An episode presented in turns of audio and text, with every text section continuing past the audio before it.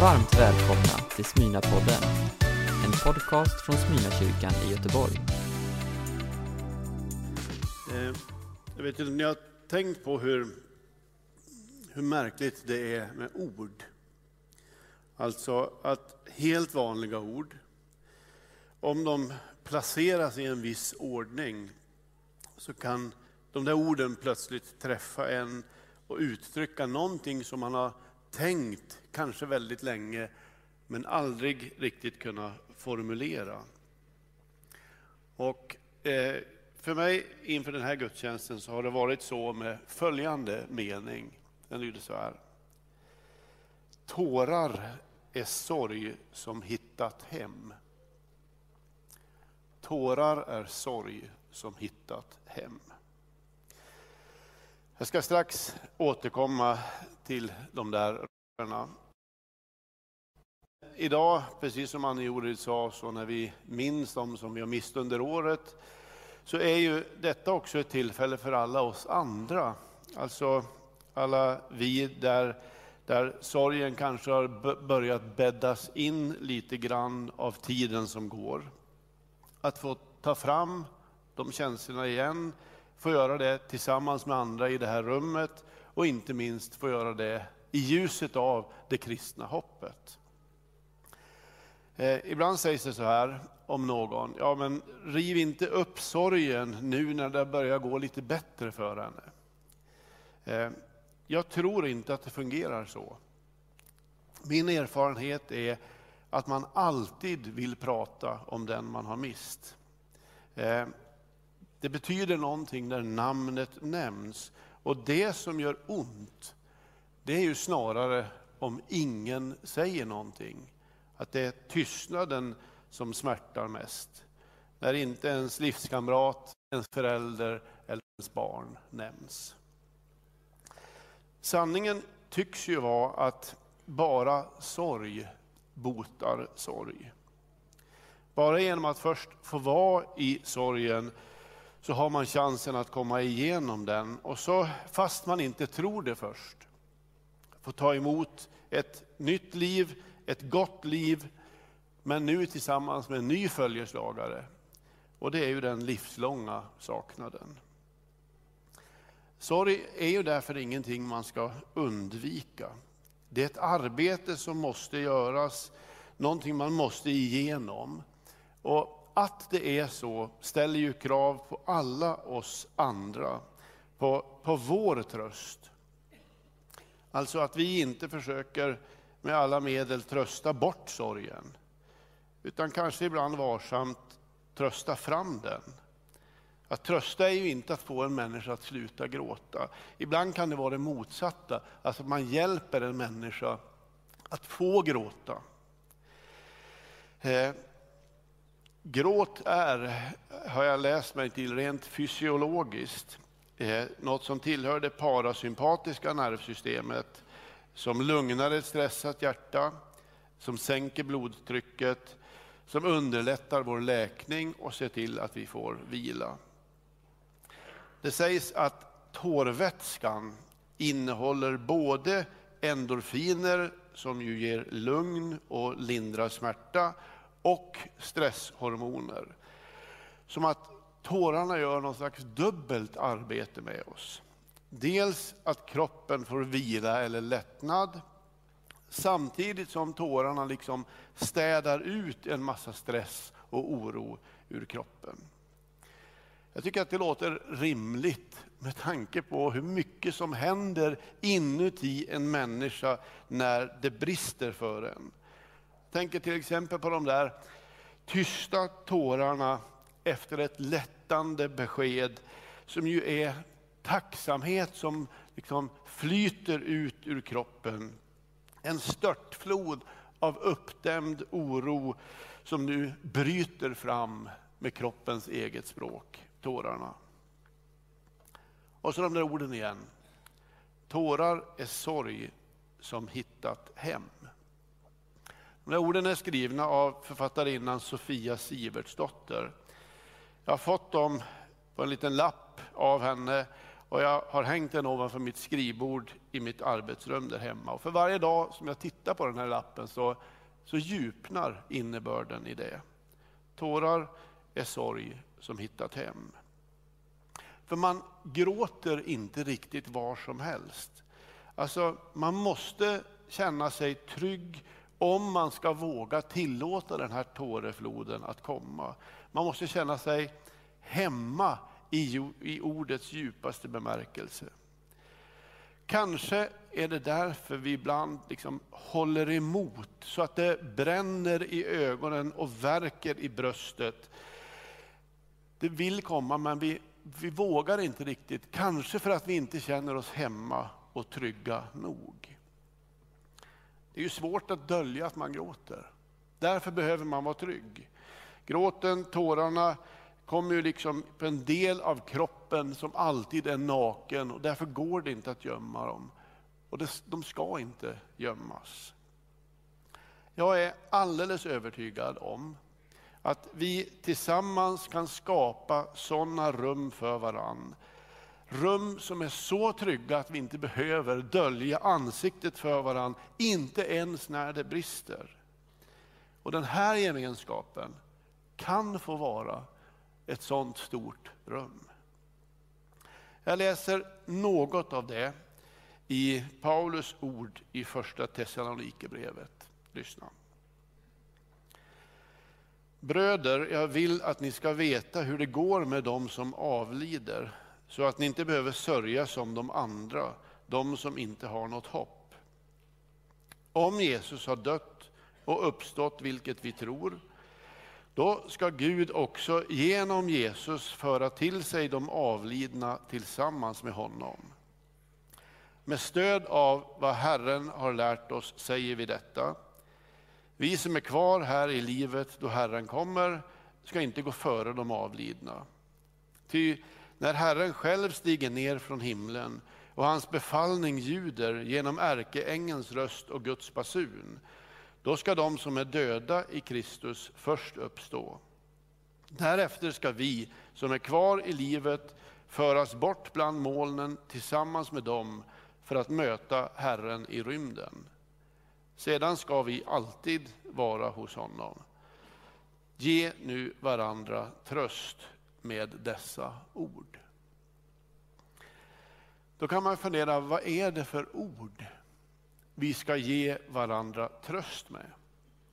Att säga att det går över, det gör det för alla. Eller att säga att det här händer ju oss förr eller senare. Nej, det hopp som lyser ur evangeliet det är betydligt mer realistiskt än så och framförallt mycket mer robust. De här verserna som jag just läste är ju fyllda av tröst. Trösten finns på raderna men den finns också mellan raderna. Det första är ju att det är trösterikt, tycker jag, att Paulus tar upp de frågor som den kristna församlingen i Thessaloniki verkar ha haft jobbigt med. Alltså att det finns en plats där man pratar om sånt här. Vad händer med de döda? Vart tar de vägen? Vart är de nu? Frågor som jag vet också finns i det här rummet. Som de tidiga kristna tydligen också hade och som Bibeln adresserar, som inte Bibeln lämnar oss i okunskap om. Och jag ska ta det mening för mening. För det första, vi vill att ni ska veta. Redan innan Paulus säger det han liksom ska säga, så har han egentligen sagt det viktigaste. Att han bryr sig. Han bryr sig om deras oro för nära och kära och han bryr sig om hur de själva ska kunna härda ut i tomrummet efter den som de älskade och nu har mist. Det här är andligt ledarskap. Alltså att inte bara få människor att anamma ens tro eller idéer, utan framför allt att trampa upp en väg som det är möjligt för andra att också vandra. Om det ska ske så måste man mötas. hur han, Paulus vet att de sörjer, han vet att de måste få sörja, men han ger också de, den stora gåvan att de nu får sörja i ljuseliet och därmed med den ingrediens som gör sorgen inte enbart uthärdlig, utan till och med det vi häpnar för, hoppfull. Sorgen blir hoppfull. De förskonas från att sörja utan hopp. Vi vill att ni ska veta. Och sen det andra. Om Jesus har dött och uppstått, vilket vi tror, då ska Gud också genom Jesus föra till sig de avlidna tillsammans med honom. Det här är själva grunden för att det finns ett hopp i sorgen, nämligen uppståndelsen ifrån de döda. Varifrån hade Paulus fått det här? Det är viktigt. Vad är källan? Jo, han säger Herren själv har lärt oss. Alltså detta är förstahands information från Jesus själv. Och så finns det ju en under säga. Det finns en ordning här som är grunden för vårt hopp. Jesus först, vi sedan. Våra liv följer hans. Det är logiken. Alltså döden gör inte som den vill med våra nära och kära, med oss eller våra kroppar. Döden hör förvisso till våra liv, men den har berövats sin makt därför att till våra liv hör nu också uppståndelsen. Han utvecklar detta i ett annat brev, det till de kristna i staden Korint. Och där står det så här. Men nu har Kristus uppstått från de döda som den första bland de avlidna. För eftersom döden kom genom en människa kommer också uppståndelsen från de döda genom en människa. Liksom alla dör genom Adam så ska också alla få nytt liv genom Kristus. Lyssna. Men i tur och ordning. Först Kristus och därefter vid hans, hans ankomst de som tillhör honom. Eh, tidigare stod det att Kristus uppstod som förstlingen bland de avsomnade. Israels folk hade i århundraden, ända sedan vandringen genom öknen, från slaveriet i Egypten in mot friheten i Kanaan, varje år varit med om detta att man offrade förstlingsoffer till Gud. Förstlingen var helt enkelt liksom den skörd som mognade först. Sen kom den stora skörden. Och så används nu exakt det uttrycket om Kristus. Hur han uppstår först, men inte för sin egen skull främst. Han uppstår först och det ska komma mera. Han är förstlingen. Han dog och lades som ett frö i jorden. Han uppstod och hans död och liv har nu burit rik frukt. Och det är, det är vi som är den frukten. Vi ska också uppstå till evigt liv. Och så det fjärde.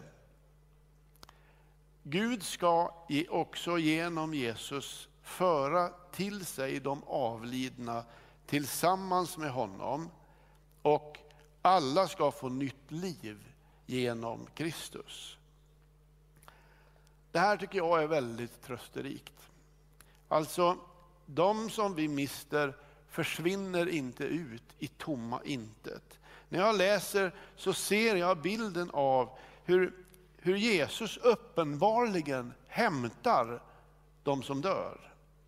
Alltså när vi tvingas släppa taget om handen till den vi älskar så är den andra handen liksom redan fattad från evighetshållet av Jesus. Han är där och han för människan tillbaka hem till Gud. I det finns en stor varsamhet, en vacker varsamhet. Det är tillsammans med Jesus vi förs tillbaka hem till Gud. Jag kan inte tänka mig bättre ressällskap. Och så är det femte. Sen ska vi alltid vara hos honom.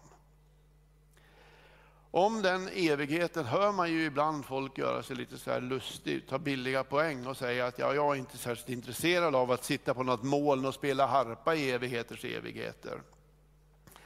Ja, och så kan man hålla på, men jag tror att himlen är oändligt mycket mer dynamisk än så. Och nyckelordet i hela sammanhanget är ju ordet tillsammans.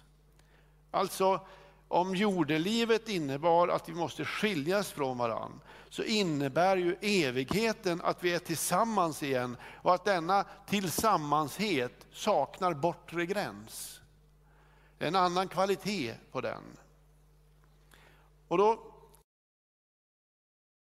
tänka på det att vi ska vara tillsammans en evighet lång. Så uppstår ju frågan, alltså kommer vi att känna igen varandra? Jag vet inte hur många samtal jag har suttit i med några av er och pratat om detta. Och det är precis här logiken i Paulus resonemang blir tröst och hopp. Alltså om våra liv följer hans, så är det uppenbart att vi kommer känna igen varandra. Vad som berättas om Jesus när han trädde fram efter uppståndelsen ger ju oss en hint om vad som kommer att hända med oss. Den jordiska kroppens begränsningar är hos Jesus upphävda. Han ter sig efter påskdagen annorlunda. Han går genom stängda dörrar, han uppenbarar sig plötsligt, han försvinner lika plötsligt.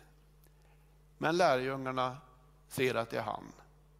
De måste titta två gånger de behöver höra hans röst innan de är säkra.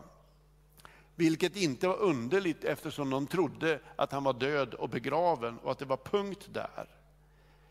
Men märk, de känner igen den uppståndne Jesus och många hundra människor gör det sen.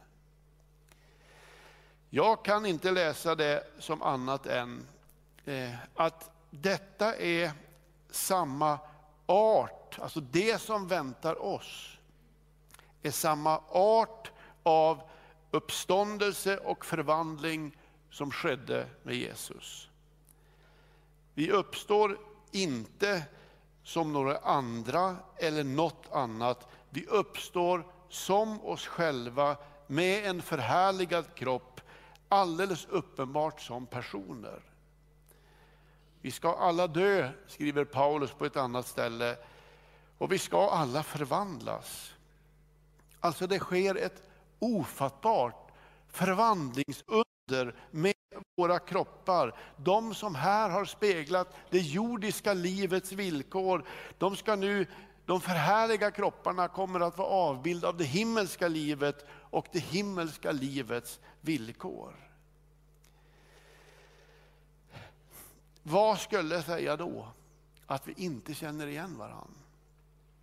Eh, att våra personligheter plötsligt skulle vara liksom utsuddade eller utraderade. Jag finner inget som säger det. Paulus bild i första Korinthierbrevet om det lilla nakna fröet eh, som ju dör och som sen uppstår till, till en, en fullmogen växt är ju en general, genial bild. Idag vet ju vi att det är, det är samma DNA i ett frö som det som sen finns i den färdiga växten. Vetenskapen om, omkullkastar ju inte kristen tro. Vetenskapen kastar ljus över kristen tro. Så att vår personlighet, vår identitet går inte förlorad i döden, utan den slår på något sätt ut i full blom i uppståndelsen. Och om alla har sin egen gestalt, den som fanns i fröet, kan jag inte tänka mig annat än att det innebär att vi omöjligen är främlingar för varann. Så till sist, eh, var ligger då den himmel där vi ska mötas. Här, här finns det ju många läror och många tolkningar av Bibeln. En del säger att vi ska upp, en del menar att himlen ska upprättas här nere och en del lever i någon slags både och. Och det finns oändliga varianter på detta. För mig är det inte den stora frågan. Absolut inte. Det som är viktigt, det är att det finns en plats för vår eviga gemenskap och många av Nya testamentets texter vittnar om det. Jesus sa, känn ingen oro. Tro på Gud och tro på mig. I min faders hus finns många rum. Skulle jag annars säga att jag går bort för att bereda plats för er? I Efesierbrevet 2 står det att han har uppväckt oss med honom och gett oss en plats i himlen genom Jesus Kristus. I Andra Korinthierbrevet att vi ska få vårt hem hos Herren. Och i Filipperbrevet de där underbara orden att vårt hemland är himlen. Eh, jag har en äldre bror som samlar på en del märkliga saker. Jag har berättat någon gång om honom förut. Eh, han, han samlar väldigt mycket, men han samlar också på en del udda saker. Bland annat så samlar han på tidskrifter ifrån Sveriges hembygdsförbund. Eh, och de här tidskrifterna de heter Bygd och natur. Jag rekommenderar er att om ni kommer till något antikvariat någon gång och tittar i den där tidningshyllan så kan ni spana efter Bygd och natur. Eh, de här, här, de här tidningarna innehåller texter om sånt som man aldrig läser någon annanstans. Där, där fanns eh, i början av 80-talet en underbar text som hade namnet Platsens poesi. Jag ska citera ur den. Här står det så här. Det är en man som heter Anders Johansson som har skrivit det här. Våra liv utspelar sig på platser. En plats i taget, tänker jag mig, och tittar ut mot ett väldigt bigarråträd. Det sitter en kråka i toppen. Jag vill vara på platser som tycker om mig. En plats, ett ställe som inger en obestämd känsla av centrum. Den drar till sig omgivningen, äter den, skapar kommunikation mellan periferi och centrum. Och så kommer den rad som fick mig att stanna i den där texten en stund. Han skriver, framtiden har jag ibland tänkt mig som lagrad och oförstörd på några platser jag ännu inte vet något om. Slutcitat. Det låter ju bibliskt, eller hur? Och väldigt, väldigt spännande. Alltså, här i livet har vi haft våra platser. Där du föddes, dit du flyttade, platsen där våra liv avslutas. Men en plats återstår. Den finns lagrad och oförstörd i framtiden och det är himlen. Den framtid som Gud har berett för oss ligger där, inte som något vi får hoppas att det blir okej. Okay. Lagrad och oförstörd hos Herren. Eller som det översätts i parafrasen The message, det där ur första Thessalonikerbrevet som jag läste. Här står det, sedan blir det en enda släktträff hos Mästaren. Så trösta nu varann med dessa ord. Amen. Du har lyssnat på en predikan från Smyrnakyrkan i Göteborg. Hjärtligt välkommen att lyssna igen eller besöka Smyrnakyrkan. Gud välsigne dig och din vecka.